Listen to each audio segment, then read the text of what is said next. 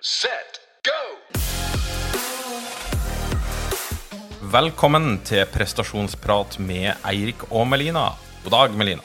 Hei, Eirik. Vi lever jo fortsatt i eh, den digitale verden. Jeg føler jo der vi sa det før, at vi lever i den digitale verden, men nå gjør vi det faktisk. Nå praktiserer vi det virkelig. Jeg føler i hvert fall for egen del at jeg gjør det.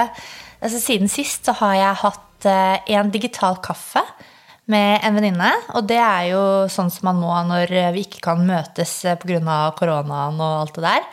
Så da var det jeg og venninnen min Linda, som egentlig bor rett nedi her, da, vi er praktisk talt naboer, og pleier å trene masse sammen og drikke kaffe sammen og sånn. Vi eh, satt med hver vår kaffekopp og hver vår Mac i hver vår leilighet her oppe i Holmenkollåsen og eh, skravla i en 45 minutter. Jeg tror egentlig det er veldig fint å bruke sånn FaceTime og, og liksom kunne se et annet menneske. Vi ser jo mye på TV og vi ser jo på Netflix og på nyheter, men det å liksom se reaksjoner, kroppsspråk, mimikk, få kontakt altså, Du merker hvor viktig det blir da når vi ikke har så mye kontakt. En merker jo hvor liksom, en setter pris på sånn plutselige samtaler utafor leilighetskomplekser når du møter naboer, og som du kanskje ikke har prata så mye med før. Men så, nå så prioriterer du selvfølgelig på to meters avstand å slå av en liten prat og sånn der. Så det, en merker jo at en lengter etter det kanskje det sosiale livet en hadde før den lockdown her. Da. Ja, så er det jo ikke så vanskelig å komme på noe smalltalk om egentlig. Det er nok av temaer å ta relatert til dagens situasjon. Da. Sånn ja. at uh, det å komme i prat med naboen nå, det er liksom det er fryktelig enkelt, da. Det, vi ja. vet hva det går i. Du er jo ikke noe smalltalker i utgangspunktet. Da. Nei, jeg er ganske god på det, men jeg hater det jo, på en måte. Så det, ja. Folk får jo helt sjokk da når jeg bare ah, Jeg hater smalltalk, jeg er superintrovert, liksom. Men, og det er ikke sånn at jeg er fake når jeg møter folk, men bare, det bare koster meg mye. Men jeg er helt innit når jeg driver med det. Det er jeg. Ja. Jeg er jo litt motsatt. Jeg kan jo like veldig godt å sitte og prate med folk om som jeg egentlig ikke kjenner fra før, men uh, finner alltids noen nye ting å prate om som er interessant. Ja, Du er bare bedre menneske enn meg. Ja, det vet ikke jeg, men uh, For akkurat det, så er det det. Men anyway, da, den digitale verden det er jo liksom, Så jeg har faktisk avtalt uh, to digitale kaffe neste uke. For å sprite opp hverdagen litt, da. Og så bruker man i hvert fall vi på NIH, bruker mye sånn Zoom. Med samme som Skype og Teams og hele ja. pakka? Så der var det faktisk Vi hadde vinlotteri eh, her om dagen. Og i kveld er det påskequiz, og det er faktisk mulighet for å være med på en quiz tidligere på dagen.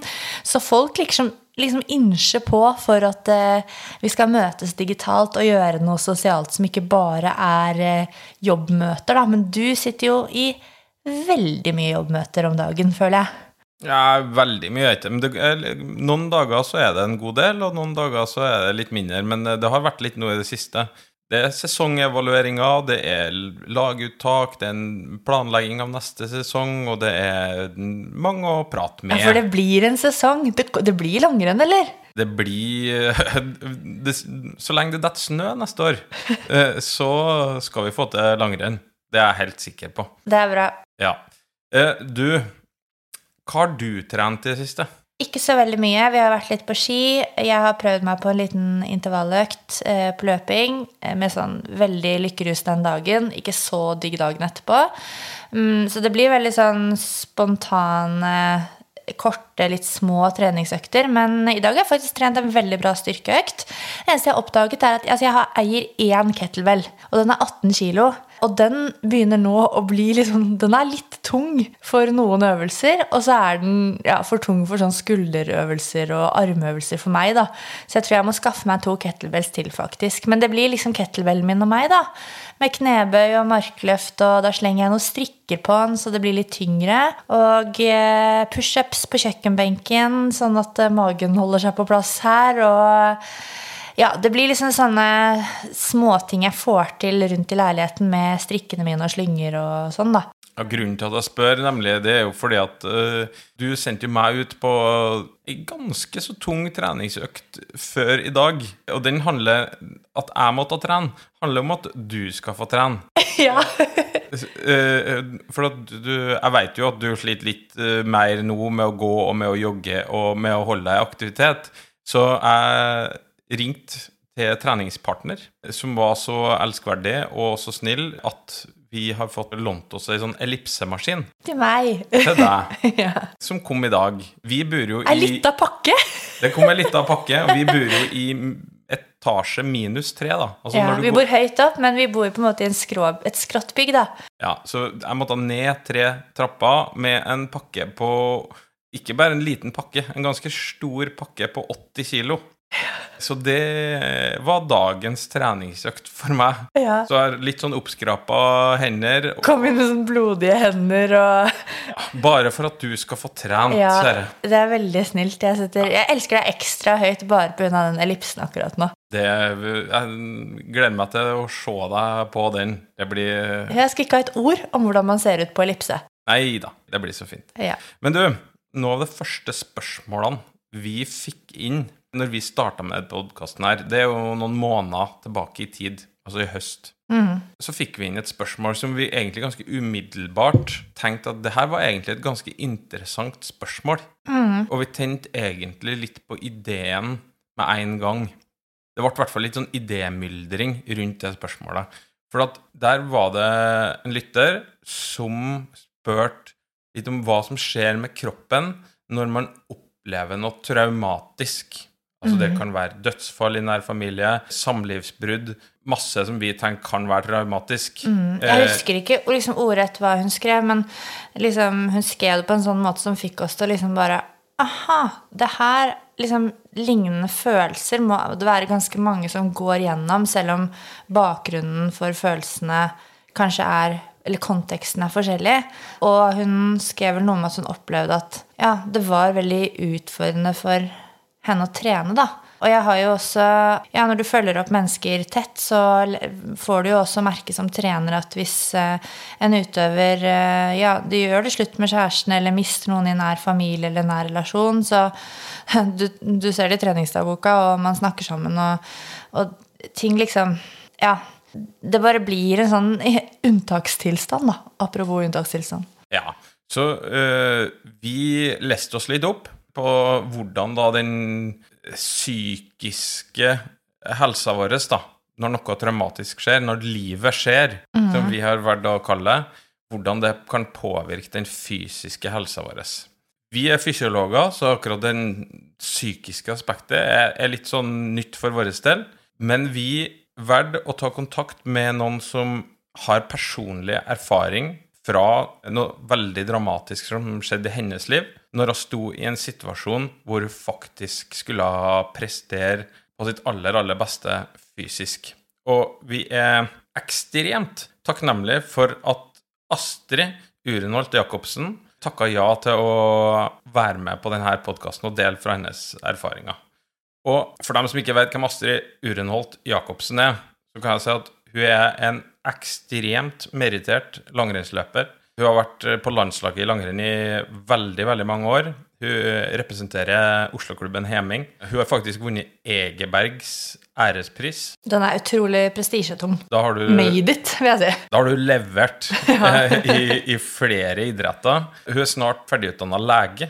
Hun har masse ulike verv rundt omkring, i, spesielt i idrettsverden. Hva var vi fant ut av? 39 NM-medaljer Ja, i hun har sjukt mye NM-medaljer i langrenn, og så har hun også en, en NM-bronse på 5000 meter i friidrett, faktisk. Ja.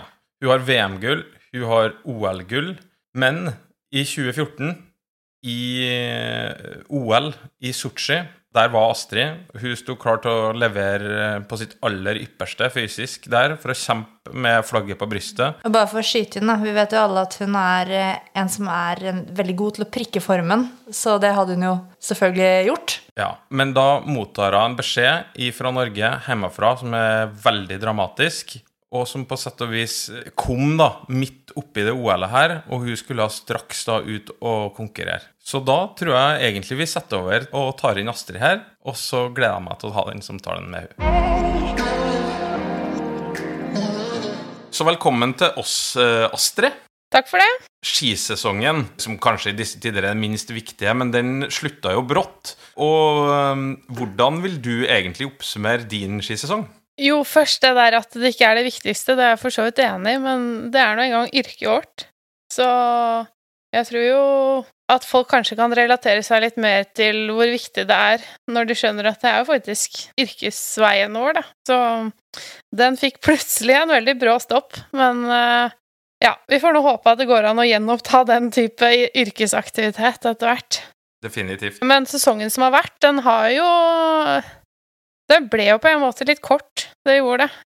Det tror jeg har noe med at vårsesongen pleier å liksom være en litt sånn ekstra hyggelig del av sesongen, hvor folk begynner å slappe av litt enda mer og nyte, og det er kanskje enda mer litt sånn godt humør og ikke så alvorspreget. Mm. Så det var jo veldig synd å gå glipp av. Men uh, ellers så for min del var sesongen egentlig ganske stabil. Jeg mangler litt sånn toppform som kanskje er eh, mer sånn typisk for en mesterskapssesong. Men ellers så gikk jeg jo egentlig ja, jevnt bra gjennom hele sesongen, og er jo en av uh, etter hvert ganske få damer som hadde toppløp både på distanse og i sprint, og tradisjonell sprint, da, i begge stilarter. Så det var litt sånn artig for meg som begynner å bli oppi åra.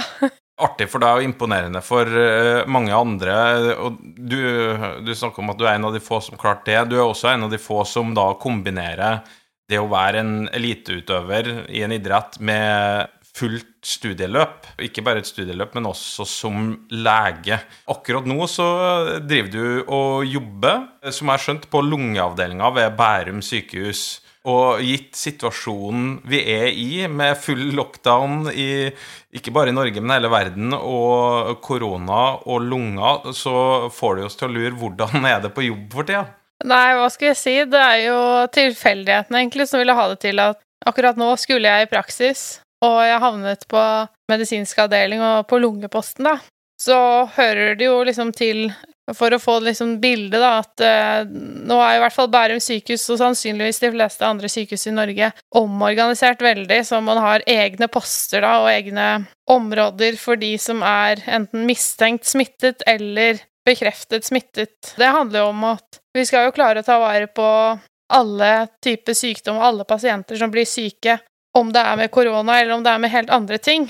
Og for alle de som ikke er smittet og blir syke, så skal jo sykehuset være et trygt sted å være.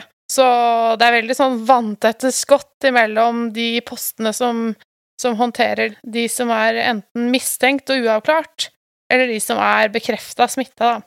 Og den posten jeg er på, så, så behandler vi de som eh, ikke er smittet av korona, men som har annen lungesykdom, da. Og det kan jo være alt fra kols til uh, lungeemboli til uh, måtte, ja, en uh, lungebetennelse av en annen art enn koronaviruset, da. Men det blir jo selvfølgelig pratet mye om, og kommer jo ganske tett på. Det er vel bare en dør imellom. Så det er en spesiell tid ha praksis, men veldig lærerikt på en annen måte, da. Det er jo unntakstilstand også på sykehusene. Mm. Er det sånn at, det som vi får inntrykk av, da, vi som sitter på utsiden av eh, sykehusene og helsesystemet, at eh, man går liksom og venter på at det skal ta av med denne koronaen? Det er jo ganske stabilt i Norge foreløpig, men det rustes jo veldig opp, får vi inntrykk av da, gjennom media. Hvordan er det liksom stemningen på jobb? Er det, ja, i forhold til det? Går dere og venter, eller? Det er jo foreløpig og heldigvis ingen eksplosjon, så Men eh, det er jo ventet at det skal komme et større trykk etter hvert. Og så tror jeg jo For mange som har vært en del av Eller det har vi jo alle sammen vært en del av liksom, det man kaller lockdown, da. Disse store omstillingene som egentlig har vært preget av i ganske lang tid nå allerede, så kan det for noen kanskje virke litt meningsløst eller forgjeves, fordi hvor blir det av denne bølgen? Mm.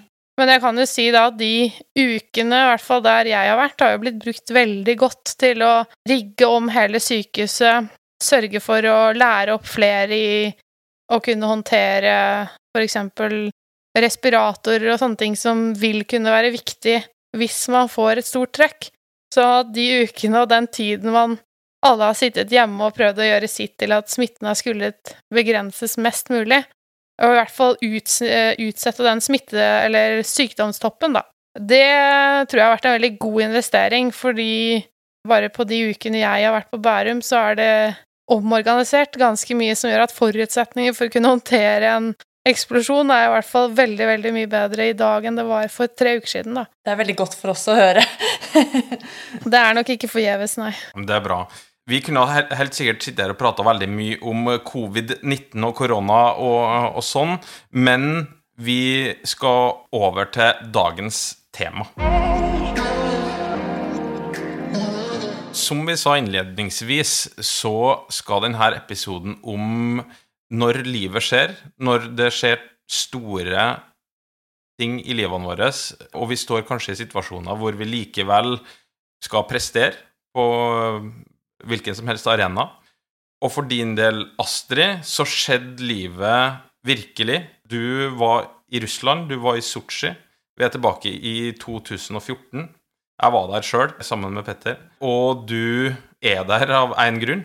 Du er der for å kjempe om medaljer. Gull, først og fremst, men medaljer i OL med norske flagget på brystet. Og så får du en veldig trist beskjed hjemmefra. Kan du fortelle oss hva er det som skjer for din del da? Eh, jo, først så må jeg jo innrømme at en del ting fra den perioden i Sotsji husker jeg faktisk ikke.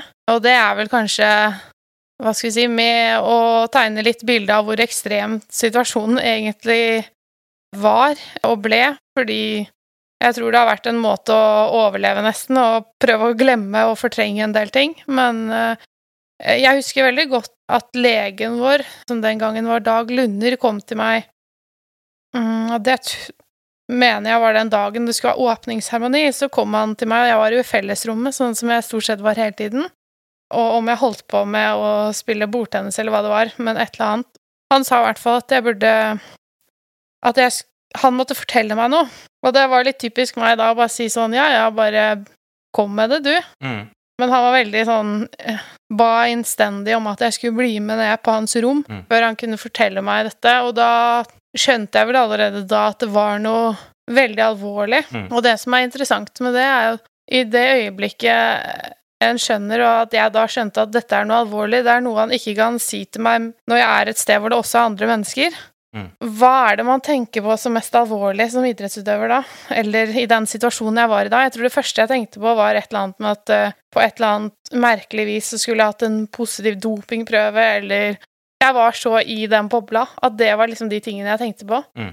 Og så husker jeg egentlig Det neste jeg husker, er at jeg sitter i en stol inne på det rommet, og så sier han til meg veldig sånn Han var så flink, han sa det liksom bare helt enkelt og bare sa 'Jeg har fått beskjed hjemmefra at broren din er død, han har tatt livet sitt'. Mm.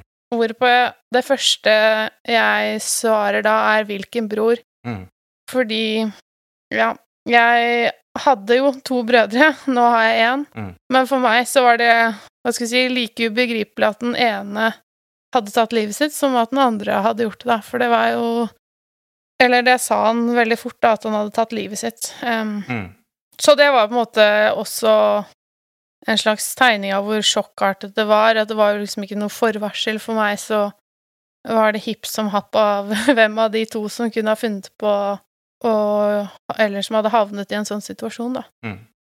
Så jeg husker egentlig bare etter det at jeg ville ut av det rommet fortest mulig, fordi det var eh, jeg vet ikke, det var Jeg hadde et behov for å liksom rømme fra hele greia. Ville ikke tro på at det var sant. Mm.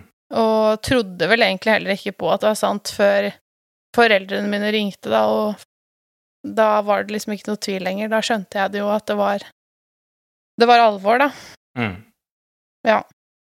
Og liksom de, den tiden etterpå i Sotsji er jo litt sånn blurry, men jeg husker jo i hvert fall at veldig tidlig foreldrene mine sa at det er ikke noe du kan gjøre her hjemme, så du, for vår del, så må du ikke Du trenger ikke å reise hjem liksom så fort du bare kan. Du må selv bestemme om du vil være der, eller om du vil komme hjem, men det var jo på en måte ikke noe sykeleie eller noen ting jeg Jeg hadde jo allerede mistet muligheten til å ta farvel, da. Mm. Så sånn sett så var det liksom ikke noe Det i seg selv var jo ikke noe motivasjon for å gjøre helomvending og reise hjem. Så jeg valgte jo å bli, da, eh, sammen, altså i samråd med foreldre og trenere og sånn, og det er jo sikkert mange som har hatt mye meninger om, og det er også veldig spesielt, men den der fellesskapet vi har i idretten, er også såpass spesielt at jeg tror det er litt vanskelig å forstå avgjørelsen fullt ut før man har vært en del av det fellesskapet, da. Mm. Og det er ikke noe tvil om at det samholdet som blir i treningsgruppa med, med utøvere, med trenere og resten av støtteapparatet, er eh, kanskje enormt spesielt, og, og som du sjøl er inne på, kanskje vanskelig for folk som ikke er i idretten og helt skjønn, Men det jeg lurer på, er jo om du på noe som helst tidspunkt var i tvil sjøl oppi det her, om er jeg i stand til å gå konkurranser? Er jeg i stand til å konkurrere, eller var du der mer for at du ville unngå å på et vis komme hjem, da? At det var mer trygt for din del å være i Sotsji, ikke nødvendigvis for å konkurrere, men bare for å være der? Helt i starten så husker jeg at det å reise på en måte framsto som et veldig sånn uoverkommelig hinder, mest på grunn av reisen i seg selv. Fordi var, jeg var jo inne i OL, altså en sånn landsby. Det er som en lukket leirskole.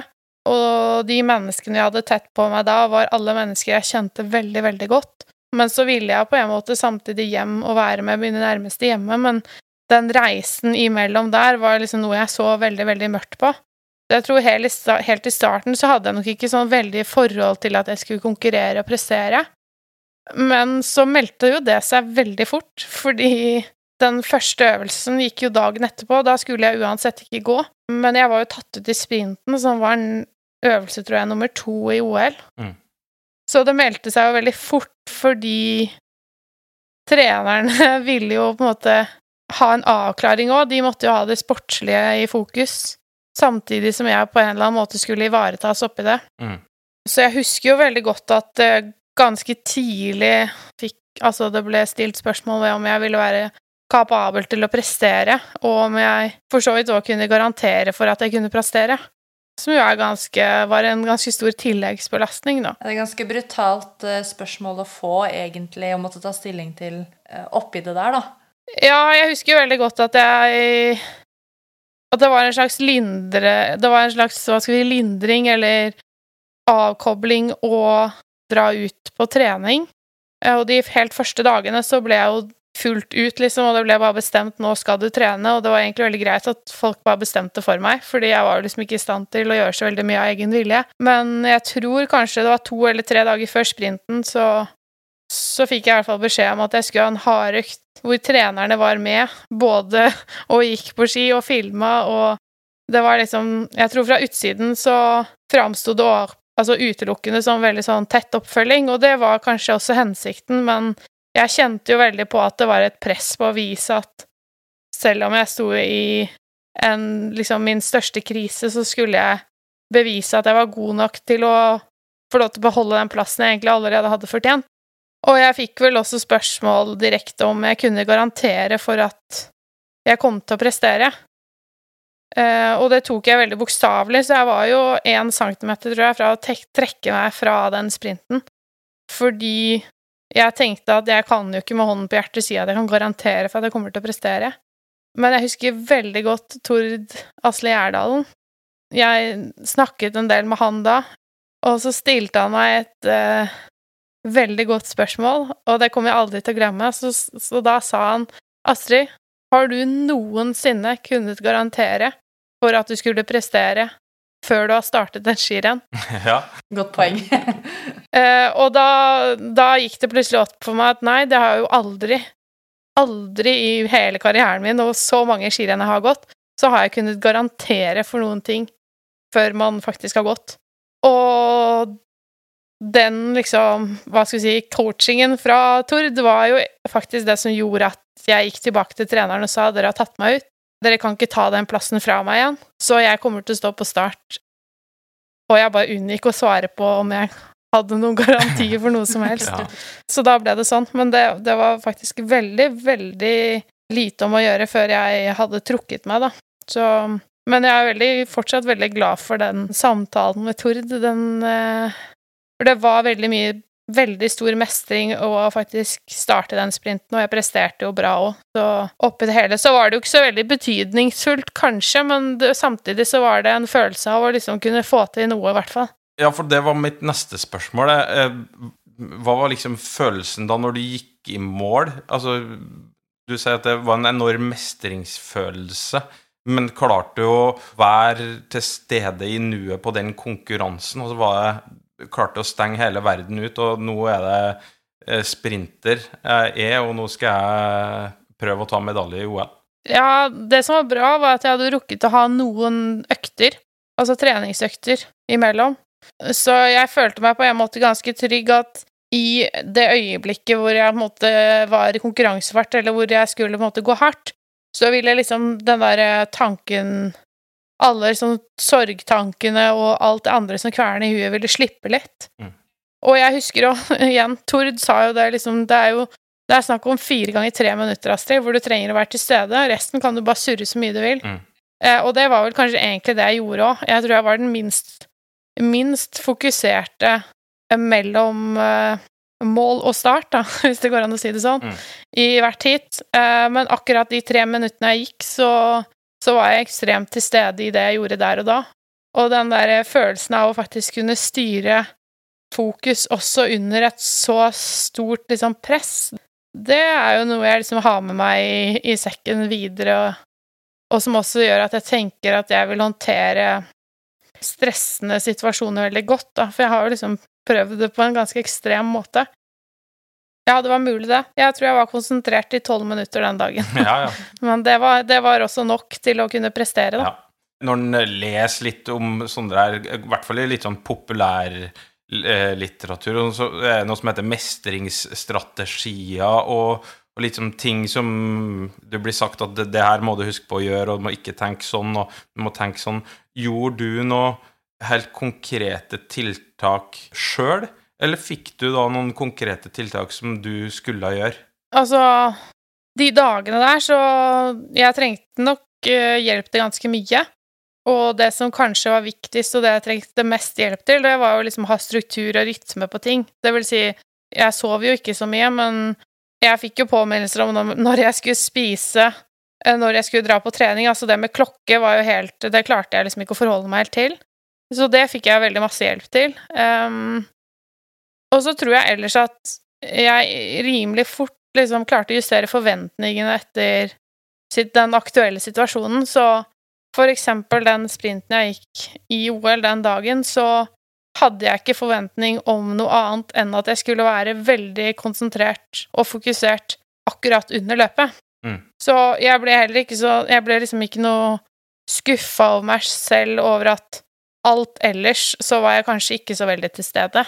Noe som jeg på en måte i en normal situasjon eh, ikke ville liksom akseptert fra meg selv under et mesterskap, da. Mm. Men jeg, hadde, jeg var nok ganske flink også fordi jeg på en måte hadde god samtalepartner til å justere en slags egen forventning òg, da. Mm. Sånn at jeg ikke liksom la enda mer hva skal vi si, negativ energi eller negativ vekt på egne skuldre, da. Det var liksom nok i utgangspunktet. Så det, det er vel en slags måte å bare sånn få det til å overleve i nuet der, og så må man liksom ta de større tingene etter hvert, da. Mm. Og så er det et spørsmål oppi her. Hvordan var det da å komme hjem, når du da går fra det eh, på sett og vis trygge eh, konkurransesituasjonene du er borti der, og rundt lagvenninner, lagkamerater, eh, leger, støtteapparat ellers, til da å komme hjem til den andre virkeligheten, da?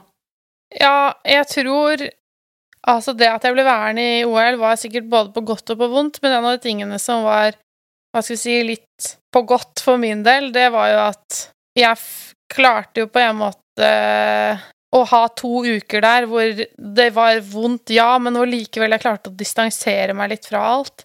Men i det øyeblikket jeg kom hjem, så var det liksom som å få de virkeligheten slengt i trynet på nytt, på et eller annet merkelig vis. Eh, og det var veldig tøft. Det var nesten rart å møte foreldrene mine igjen. Jeg husker jeg grua meg veldig bare den kjøreturen fra Gardermoen Mm. og hjem. Hvor eh, Ja, det var eh, Jeg grua meg skikkelig, men så Samtidig så var det jo veldig godt å komme hjem, og det var liksom godt å få lov til å bruke tid på sorg og, eh, og ikke skulle fokusere så mye på det å være et mesterskap, da. Mm. Så jeg brukte nok litt tid til å liksom gi meg litt over i den sorgprosessen igjen, fordi jeg tror jeg hadde stengt det ute litt mens jeg var i Sotsji, men uh, det var litt uh, både og, egentlig. Det er liksom sånn man vil helst unngå det, fordi Mm. ja, det er jo vondt og og det, altså, det var vondt, og det er det fortsatt. Eh, det har gått liksom seks år, men det er fortsatt sånn Jeg merker jeg har jo fortsatt litt samme strategier, at jeg distanserer meg litt fra det innimellom for å slippe å tenke på det, fordi ja, nettopp det er ubehagelig. Mm. Men så er det nødvendig å gå inn i det òg for å faktisk kunne komme seg videre, da. Så å finne liksom balansen i det var nok var litt vanskelig for meg når jeg kom hjem. Men uh, jeg har heldigvis hatt liksom åpne dører hos foreldrene mine, da, så det har hjulpet meg veldig, da. Mm. En ting var jo OL oppi der, for når du kom tilbake igjen, altså verdenscupsirkuset i langrenn, som du er en del av, og som du da var en del av, den ballen ruller jo videre, så du skulle jo på jobb mm. og gå om flere konkurranser. Var det eh, kanskje enda vanskeligere enn det var borte i OL? Ja, jeg lurer på om jeg sto over én helg helt i starten. Jeg husker ikke helt uh, sikkert, men jeg husker jo i hvert fall at jeg gikk i Kollen. Jeg skulle gå i Kollen, og da hadde jeg på en måte Det jeg hadde med meg i hva skal jeg si, erfaringsbanken da, det var at dette hadde fungert sånn etter eh, forutsetningene ganske bra i Sotsji. Så jeg tenkte at det å gå en tremil i Kollen ville være liksom en bra ting for meg. Det jeg ikke hadde tatt liksom helt med i beregningen, var jo at jeg begynte jo da å bli ordentlig sliten av totalbelastningen. Mm. Så jeg gikk jo Da hadde jeg jo rett og slett ikke evne til å kapasitet lenger til å holde fokus under konkurranse engang. Og jeg ser jo det i ettertid at det at det skirennet endte med at jeg kjører ut av løypa og krasjer i en stolpe, det er jo ikke tilfeldig. Jeg var jo rett og slett ikke mentalt til stede, og i hvert fall ikke nok til stede til å kunne øh, ja, gå konkurranse på en ålreit måte. Jeg var jo ikke i nærheten av å kunne prestere mitt beste. Så da var jeg jo rett og slett ikke flink nok til å liksom Hva skal vi si Evaluere mm, tilstanden min, altså Og hvordan utviklingen gikk, da. Jeg, min referanse da var Det gikk bra i Sotsji, så da kan jeg fortsette å gå skirenn. Og så var jeg da ikke så veldig flink til å egentlig vurdere om om jeg fortsatt hadde nok overskudd eh, til å kunne fortsette å konkurrere, da. Men, eh, og der bomma jeg, rett og slett. Det gjorde jeg. Så eh, prøvde jeg vel å gå av verdenscupavslutningen i Falun nå, men da, da innså jeg vel at den hjernerystelsen jeg hadde fått i Kollen, den, den var ikke forenlig med å konkurrere, så da, ble, da var sesongen slutt, og det tror jeg var like greit. Ja. Når eh, det da mm, eh, Altså når det ikke måte, gikk så bra i Kollen, da, kan du si Du eh, snakker om totalbelastningen. Var det sånn da du hadde på en måte begynt å kjenne det også i kroppen? Altså fysisk. Du var jo i kjempebra form i Sotsji, også litt videre. Og det er klart at kognitivt så, så blir man jo preget. Men hvordan kjentes liksom kroppen ut når du trente og skulle konkurrere og Jeg syns å huske egentlig at jeg følte meg ganske bra, men helt ærlig så tror jeg ikke jeg reflekterte nevneverdig over egen form der og da.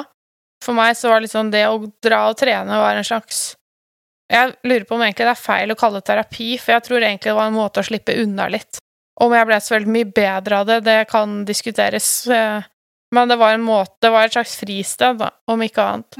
Og når jeg ser tilbake, så tror jeg den fysiske smerten man får når man trener, den var forlokkende på et vis, fordi jeg syns det var bedre enn den, enn den liksom psykiske smerten, da. Så jeg tror ikke egentlig at jeg gikk en eneste rolig langtur. Jeg gikk nok altfor hardt hele tiden, fordi det var en måte å døyve alt på, da. Og det gjorde nok sitt til at jeg var nok ikke fysisk i stand til å prestere heller, når jeg gikk skirenn på slutten. Mm. Jeg tror jeg har hatt, gått ganske mye halvart i den perioden. Og etter at jeg da fikk hjernerystelse og fikk beskjed om at liksom jeg måtte ta det med ro i fire uker eller noe, det var jo først da jeg ble betvunget til å hva skal vi si, justere tempoet. Jeg fikk jo lov til å trene, men ikke noe hardt. Og var jo plutselig i sånn kalasform i april og utover. Mm. Jeg har jo gjort noe på trening som var ut av min vanlige normal da, i den perioden. Eh, Jeg reflekterte ikke over det da, men jeg har gjort det i etterkant, da. Det var kanskje en måte for meg å bare håndtere situasjonen min, men eh, sånn for å prestere på ski og toppidrettsperspektivet, så var det jo ikke så hensiktsmessig, kanskje. Da er det tid for vår faste spalte Fysiologitimen, og jeg er jo veldig glad for at jeg er gift med eh, deg, Melina. Det er. Av, av mange grunner, men annet også for at du er en akademiker eh, og fant ganske mye mer interessante artikler på det her enn det jeg klarte å finne. Så at, eh, kan du, du får den ære av å ta meg og Astrid gjennom, og lytterne våre gjennom hva er det sorg da, kan gjøre med oss fysisk? Det var jo veldig sånn nytt for meg å skulle dykke inn i denne delen av fysiologien, som også har tett sammenheng med psykologien. Og så er det sånn at det å miste noen i en nær relasjon i seg selv representerer en helserisiko for de som er igjen. Og det er ganske godt dokumentert selv etter at man har gjort sånne korrigeringer for f.eks.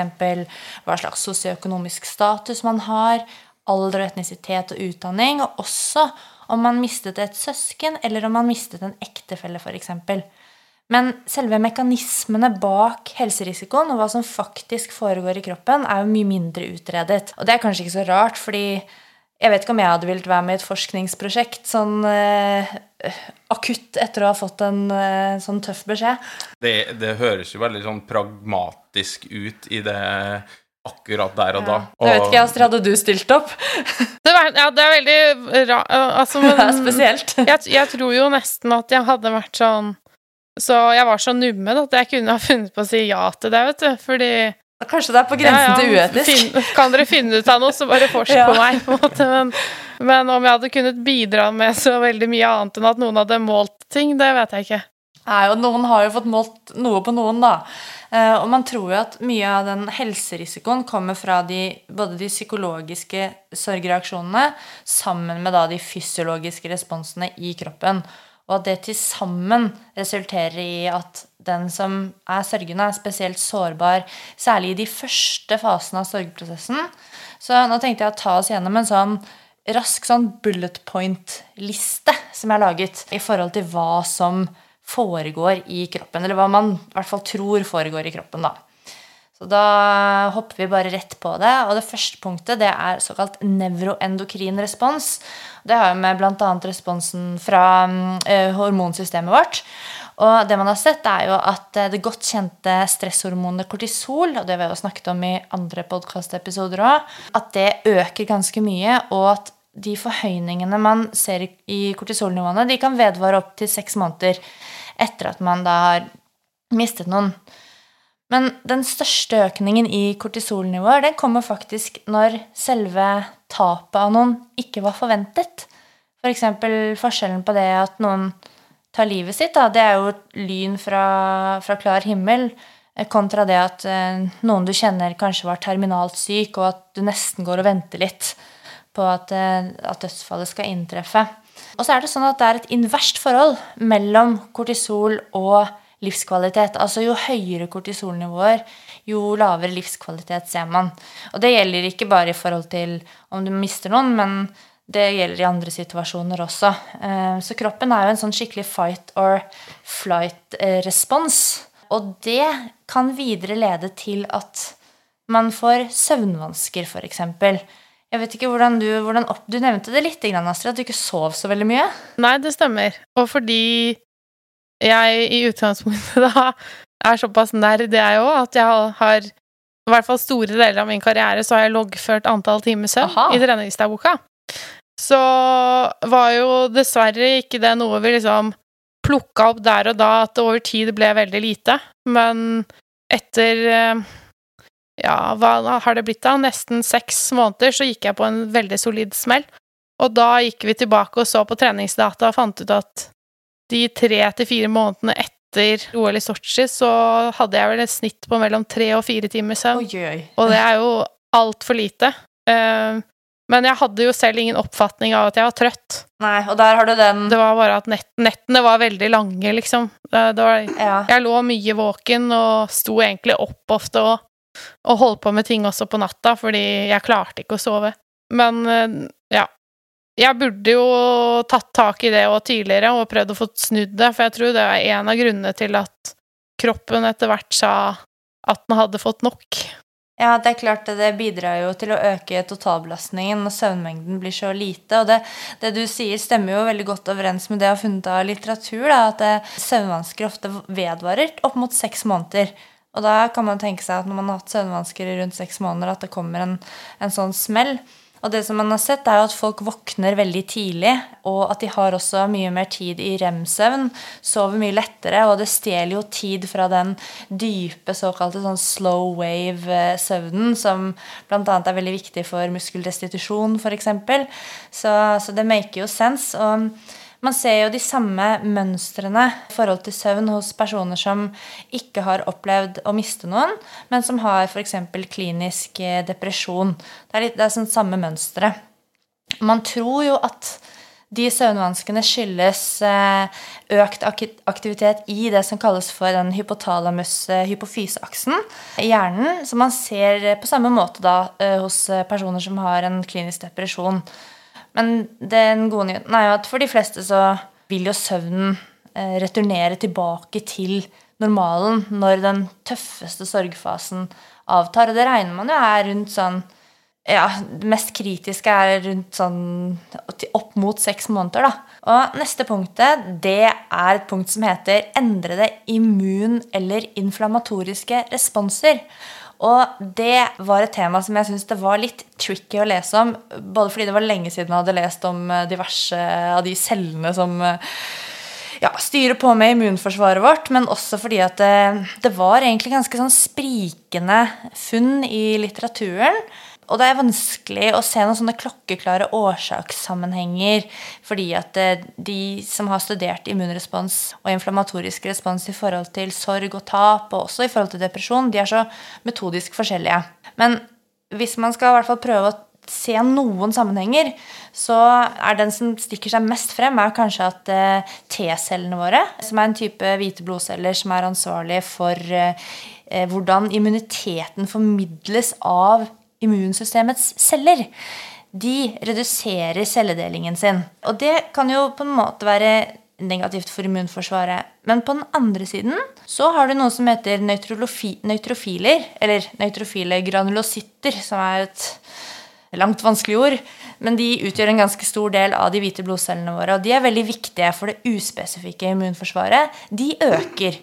Så det er litt sånn, vet ikke, litt både og, egentlig. Du mister det ene, og så får du litt av det andre. Ja, og på kort sikt så tror man egentlig ikke, i hvert fall sånn som jeg tolker litteraturen, at det har egentlig ikke noe å si. Men kanskje på lang sikt for personer som er i risikogrupper, og som har ja, underliggende sykdom og andre ting, da, som ikke er unge, friske mennesker, så kanskje det kan ha en, en negativ helseeffekt og, og påvirke immunrespons. men men det er jo veldig avhengig av liksom hva slags type gruppe man ser på. da. Så det var egentlig det på når det gjelder eh, immunsystemet. Men noe som har vært litt mer undersøkt, det er eh, dette med såkalt hemodynamisk eh, respons. Og da har man sett på hjertefrekvens. Og hjertefrekvens er jo noe man befatter seg ganske mye med i idretten. Og da er det noen studier som har vist økt hjertefrekvens og det er jo er regnet som en risikofaktor for koronasykdom og plaktdannelser i arteriene som omkranser hjertet vårt. Men hos personer som f.eks. sørget og gikk på hjertemedisiner, så fant man ikke økt hjertefrekvens. Sånn at man tror at det hadde da en beskyttende effekt på hjertene til de som gikk på hjertemedisiner. Så det kan jo være viktig informasjon i forhold til de som eh, Hvis man har eh, en eller annen form for eh, hjertesykdom, da, eh, eller eh, Ja, at det kan være viktig å kanskje en kort periode gå på medisiner, eller Ja, hva vet jeg. Ok, Dagens to siste punkter i fysiologitimen. Og det neste er litt sånn i samme landskapet, men nå er vi over på blodtrykk. Og det man har sett er en signifikant økning av 24 timers blodtrykksbelastning sammenlignet med mennesker som da ikke har mistet noen som de var glad i. Og det man så hos, eh, hos eh, de som, eh, som, da fikk et økt blodtrykk som følge av sorgprosess, det var at man fikk blodtrykk som var over i det som vi kaller for mild hypertensjon i de første månedene av sorgprosessen. Og for unge mennesker så tenker man at det har veldig liten klinisk betydning. Men jo eldre du er, desto større betydning vil det kunne ha, da. Og så det siste punktet, som handler om hvordan selve blodårefunksjonen vår er. da. Altså selve endotelfunksjonen. Det er jo da cellelaget som er inni blodårene. Og det har vært undersøkt i forhold til posttraumatisk syndrom og depresjon i forbindelse med sorg. Og der er det en liksom spesiell faktor som har vært mye undersøkt, som har et litt fancy navn. Den heter von Willenbrand-faktor. Og von Willenbrand Jeg aner ikke hvem det var. Jeg har ikke googla han. Det er sikkert, han har kult navn, da. Har kult navn. Det er sikkert han som oppdaget den faktoren. Det pleier å være sånn. Da får man navnet sitt eh, så når Urenholt eh, kommer, f.eks., så bare ta seg hatten. Men den faktoren den eh, er eh, sentral for altså når det gjelder blodplateaktivering. Det å liksom Ansamling av blodplater. Og det å få store ansamlinger av blodplater det kan f.eks. lede til at man får tromboser, eller at man hos enkelte som har underliggende sykdom, kan få hjerteinfarkt f.eks.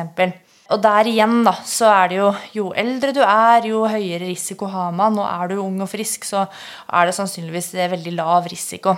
Men summa summarum, da, så er det jo fort gjort å tenke at det å miste noen Man blir selvfølgelig fryktelig opprørt, lei seg. tenk, Det er lett å tenke at det kanskje bare handler om det psykologiske. Men alt henger jo sammen med alt, og jeg tenker i hvert fall at det er ikke så rart hvis det å skulle prestere på trening kan oppleves annerledes, eller, eller det at man ikke får sove, f.eks. Det, det er sånn at eh, soma og eh, syke henger tett sammen. Og så er det jo sånn at kunnskap om de fysiologiske responsene på endret psykologisk tilstand, de vil jo kunne lære oss kanskje å ta noen grep så vi kan ta bedre vare på oss selv, og kunnskapen er viktig at helsepersonell kan ta godt vare på oss også. Så man kan forebygge da potensielle bivirkninger av sorg, rett og slett. Det høres jo ikke bare trist ut å være i en sånn sorgprosess, men det høres jo litt sånn farlig, farlig ut når vi er inne på blodplater og blodpropp og, og, sånne ting. Men det du sier, at det, det høres veldig sånn pragmatisk mm. ut, da. Fakta, fakta. ja, altså ja.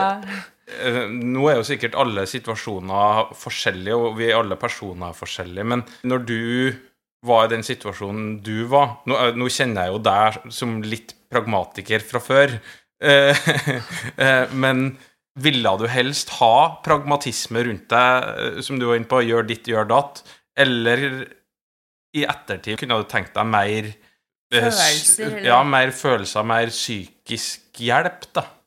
Eh, det er faktisk et veldig godt spørsmål, fordi der og da så satte jeg liksom pris på både å bli fortalt hva jeg skulle gjøre, og at alle andre på en måte levde et slags vanlig liv rundt. For da ble jeg på en måte litt mer dratt inn i det. Så det var på en måte godt i det akutte. Og så tror jeg kanskje at jeg bare fortsatte litt den leien.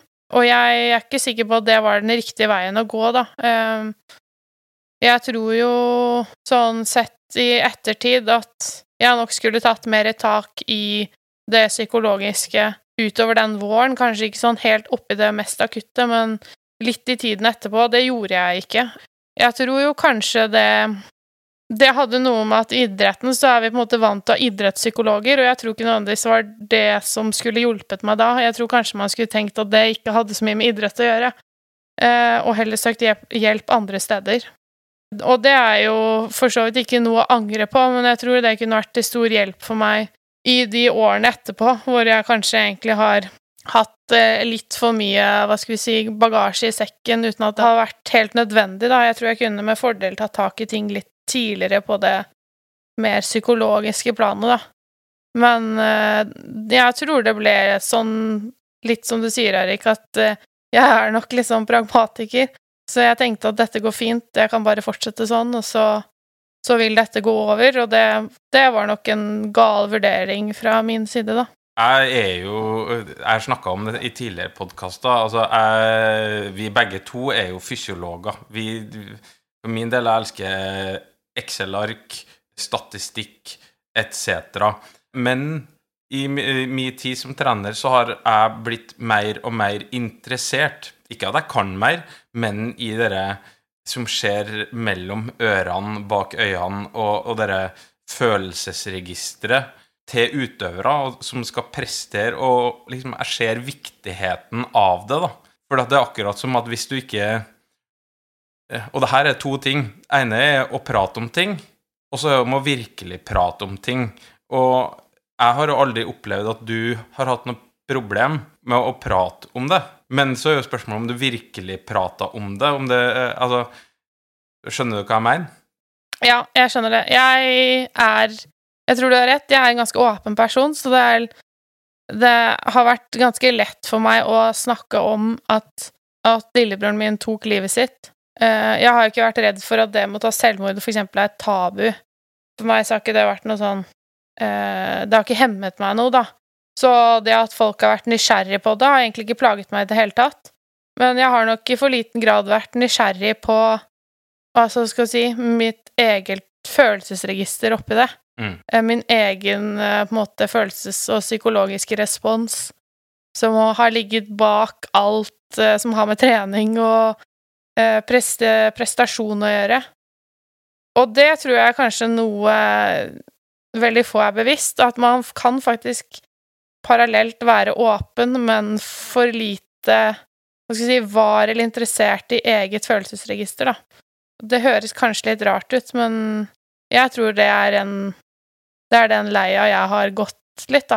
Ja, og jeg, jeg føler jo at idrettsutøvere er ganske like på dere der. Altså, i forbindelse med prestasjon og, og trening og økter og sånn der, så kan dere nok lett føle veldig mye på den på glede over når du lykkes med noe, ditt lille prosjekt, eller mislykkes mm. med ditt lille prosjekt, men alt utafor gull og en fjerdeplass, da, og gleden og fortvilelsen overfor det. Men hvis du drar, drar imot venstre eller høyre, og du møter sorg og, og, litt sånn mer dypere følelser som ikke omhandler jobben din, så tror jeg vi er litt sånn Ganske mange er kanskje litt mer avkorta på den biten der, da.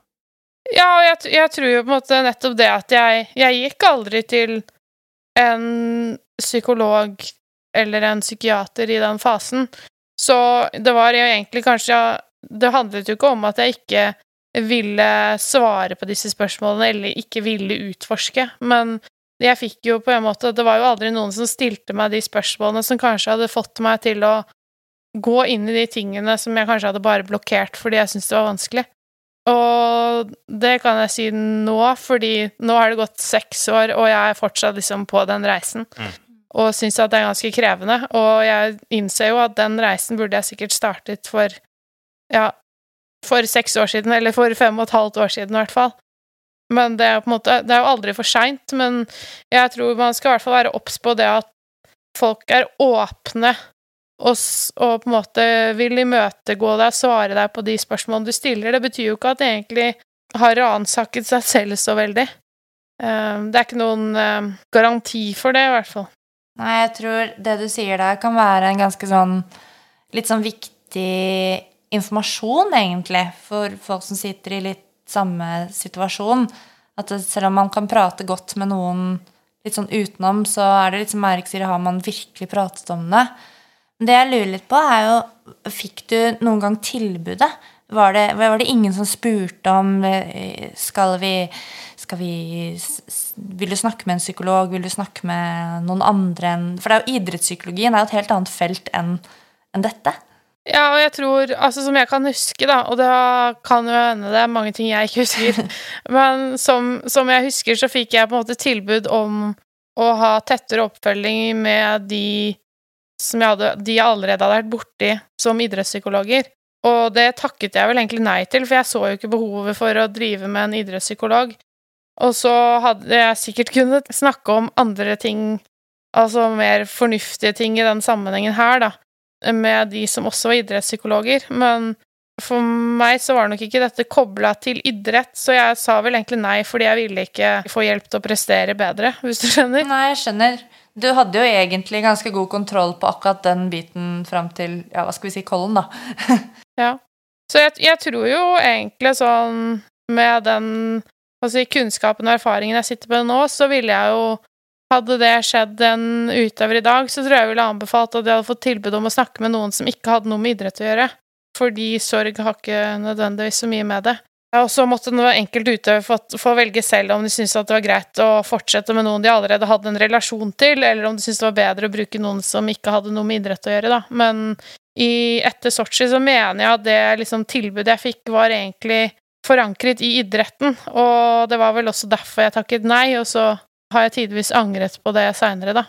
At jeg ikke tok tak i det på en annen måte. Mm. Alle situasjoner er forskjellige, men rundt omkring i Norge hver dag, og kanskje spesielt i den tida vi er nå, folk eh, permitteres, folk mister jobbene sine, det er usikkerhet om økonomi, eh, usikkerhet om eh, korona og den biten der, så er det kanskje mange som ikke nødvendigvis får det sorgprosesser som kanskje du var oppe i, men som får depresjoner, og som opplever veldig mange av de samme responsene som vi var inne på her i stad. Som Ja, du kan, du kan, jo for så vidt kalle det sorg. Mm. Altså når du har mista jobben din og, og livsverket ditt. Hva er ditt sånn klare råd til dem? Ja, så jeg tenker at det er veldig mange i dag som lever med veldig stor usikkerhet rundt sin egen framtid òg, og det er jo en kjempe, kjempestor belastning. Og det er vanskelig å liksom gi alle ett råd, men det er én ting jeg liksom har observert litt sånn fra sidelinjen i løpet av de siste ukene i denne veldig spesielle situasjonen vi har, og det er liksom et For det første så har det jo kommet fram liksom noen Det er mest sannsynlig noen sånne små grupper som deler ut skam i øst og vest. eh, og det er en belastning å være blant de som må stå og ta imot denne skammen, og det tenker jeg vi må bare slutte med med en gang. Og så har det også blitt en sånn Jeg har en liten følelse at det har utviklet seg litt nå til at ingen skal egentlig synes Ikke nødvendigvis synes synd på seg selv, men det er liksom ikke helt rom for å sette ord på at man syns ting er veldig, veldig vanskelig. Mm. Fordi det blir egentlig stadig vekk bare referert til folk som har det verre. Mm. Det er i hvert fall en tendens jeg har liksom observert litt nå de siste ja, tre-fire ukene, da. Og da tenker jeg at kjenner man selv på at man syns det er vanskelig, så skal det være lov til å sette ord på det. Det betyr ikke at du trenger å fortelle hele verden det, men fortell det til de som står deg nærmest. Og det, det er ikke, ikke, sånn at det ikke er rom for å gjøre det bare fordi noen andre har det verre. Fordi det er liksom ikke om å gjøre å ha det verst heller, men kjenner man på bekymring eller frustrasjon, usikkerhet, redsel og frykt, da er det sikkert mange som kjenner på sånn som det er nå òg så tror jeg jeg ville liksom prøvd å finne noen å prate med. Om det er noen du har hjemme liksom som du bor sammen med, du kan gjøre det, eller om det finnes jo telefonlinjer og støttelinjer man kan ta kontakt med for å få noen helt objektive å prate med. Mm. Og jeg vet jo at på en måte både fastleger og Det er jo ikke sånn at helsevesenet er stengt ned heller, men man opererer kanskje på en litt annen måte, og mange har telefon- eller videokonferanser, så jeg tror kanskje det vil være mitt råd, da, at det er ikke sånn at vi skal dyrke det vi syns er vanskelig, men man skal ikke være den som har det verst, for at man skal ha lov til å anerkjenne det som problematisk, da, det man står i selv. Mm. Da syns jeg vi har gått, dratt det litt langt, da. Jeg tror du har helt rett. Og det er jo, jeg har jo lest eh, kronikker fra psykologer og liksom lest i media at eh, mye av det som mange opplever, det er jo egentlig litt sånn jamført med en, en type sorg, da. Og så vet vi at liksom, uforløst sorg, det fører ikke så veldig mye godt med seg på sikt nødvendigvis. Så, så det å faktisk eh, ja, få kanskje avreagert ved å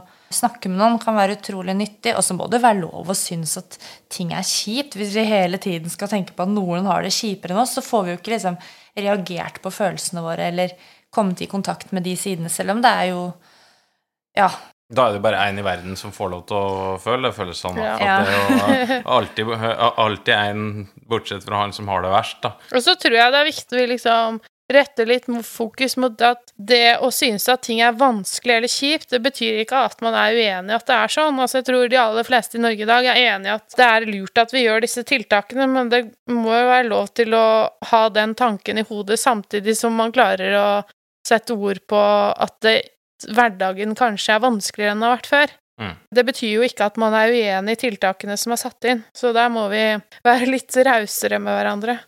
Akkurat det der, det syns jeg var noen utrolig kloke ord. Og før vi begynner å avslutte denne podkasten med deg, Astrid, så har vi et spørsmål som vi tror at du kan øh, være ganske flink til å være med og svare på. Ja. Det er jo da ukens, eller episodens lytterspørsmål, og det er ikke relatert til dagens tema, sånn som det innimellom er. Og spørsmålet lyder som følger Hvordan kan jeg trene i pollensesongen? Jeg blir så mye mer sliten enn til vanlig på intervallene. Og så er det en sånn apekatt som har hendene foran ansiktet. er det noen som spør? Ja, det er en vanskelig greie, det der med pollensesong. Ass. Jeg har vel skjønt at selv om tilfeldighetene ville ha det til at jeg ble vinteridrettsutøver, så tror jeg det var veldig lurt, fordi sommerutøver, det hadde jeg nok aldri klart å bli. Jeg, jeg trener rett og slett litt mindre hardt, altså ikke færre økter, men jeg trener ikke på de høyeste intensitetene så lenge det er pollensesong, for det koster Mm. faktisk for mye. Er det sånn I3, da, eller? For det liker lytteren å vite. Ja, så det er det stort sett det jeg gjør av hardtrening om sommeren. Og så heller prøver å krydre med hurtighet og eksplosivitet i form av styrke og spenst for å liksom få litt sånn punch i kroppen, da. Men de hardeste øktene, de prøver jeg egentlig å unngå når det er eh, stor pollenspredning.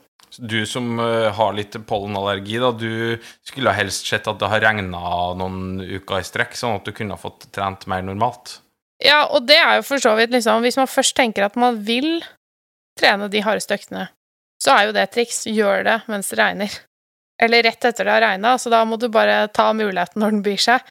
Hvis du har muligheten til å trene inne, for eksempel, så er det jo bedre klima for det der, da. Men uh, regnvær kan være veldig, veldig gunstig.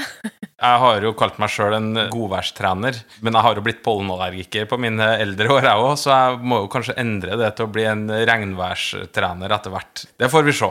Jeg vil eh, avslutningsvis bare få takk deg, Astrid, for at du hadde eh, tid, lyst og mulighet til å være med og bidra i denne podkasten på et veldig vanskelig tema. Jo. Og du er som alltid utrolig flink til å sette ord på dine følelser og dine erfaringer. Og det tror jeg òg mange av de lytterne våre vil eh, sette enormt pris på. eh, Å høre deg prate om det her. Og forhåpentligvis kan det hjelpe en del som kanskje ikke står i en 100% lik situasjon, men som eh, av en eller annen grunn eh, opplever omveltninger i sitt liv som er så, såpass stor at det går ut over eh, potensielt prestasjoner i form av jobb eller idrett eller andre ting. Mm. Det har vært en ære å være med, da. Og så tenker jeg at eh, det har jo på en måte kommet for en dag nå at noen ting gjorde jeg kanskje riktig for meg selv, og andre ting gjorde jeg ikke riktig for meg selv. Og det vil sannsynligvis gjelde de fleste, at det er litt vanskelig å finne ut hva som funker bra både på kort og lang sikt, så der må man uh, tørre å utforske litt. Jeg tror ikke at en, at det er en handout som du kan få den dagen du kommer i en sånn situasjon og mister noen av dem du er glad i, at her har du bullet points, uh, bare gjør det her, så går det her bra. Men det med å høre på andre folk sine erfaringer, så kan det hende at du får noen aha-opplevelser på ting, og kan prøve det sjøl, og sånn sett komme enda raskere styrka ut av det, tenker jeg. Mm. Vi tror det at eh, denne episoden her vil ja, hjelpe våre lyttere, og vi har fått inn, eh, ja, som du nevnte innledningsvis, Erik, eh, spørsmål om hvordan skal man te seg, og hva skal man tenke om trening når, når kroppen og hodet er, er litt i krise. Og um, det er veldig interessant eh, og spennende, egentlig, å kunne få lov å liksom titte litt tilbake da, sammen med deg, Astrid, på ja, hvordan situasjonen har vært. Og så sier du at det er en reise som ikke er over òg, så det betyr det kanskje at du skal, skal du snakke, snakke mer i fremtiden? Nei, ja, nei, det får vi se. Jeg er uh, akkurat nå i en sånn fase hvor Ja, søren, nå er det Nå er det jo begynner å bli april og alt mulig, da, så jeg må jo sikkert begynne å tenke litt mer sånn seriøst på hva jeg skal gjøre framover, men Foreløpig så er jeg i praksis, og så har jeg ikke tenkt så mye lenger enn det. Så Nei, vi får se. det må være greit. Tusen hjertelig takk for at du ble med i denne episoden, Astrid. Jo, selv takk. Og helt avslutningsvis, etter denne vanvittig interessante praten med Astrid, så tenkte vi at hvis du trenger noen å prate med, så kan du ringe Mental Helse på 116 123, eller så kan du gå inn på sidemedord.no og chatte med dem. Vi håper at dere følger oss i sosiale medier under prestasjonsprat. Der kommer vi ofte med litt sånn hint om hva neste episode er, og typisk spør om dere har noen spørsmål. Og hvis du da lurer på noe innenfor temaet prestasjon, bruk de plattformene der til å stille oss noen spørsmål. Så kan det hende at det er ditt spørsmål som vi tar opp da i neste episode. Så med det sier jeg ha det bra.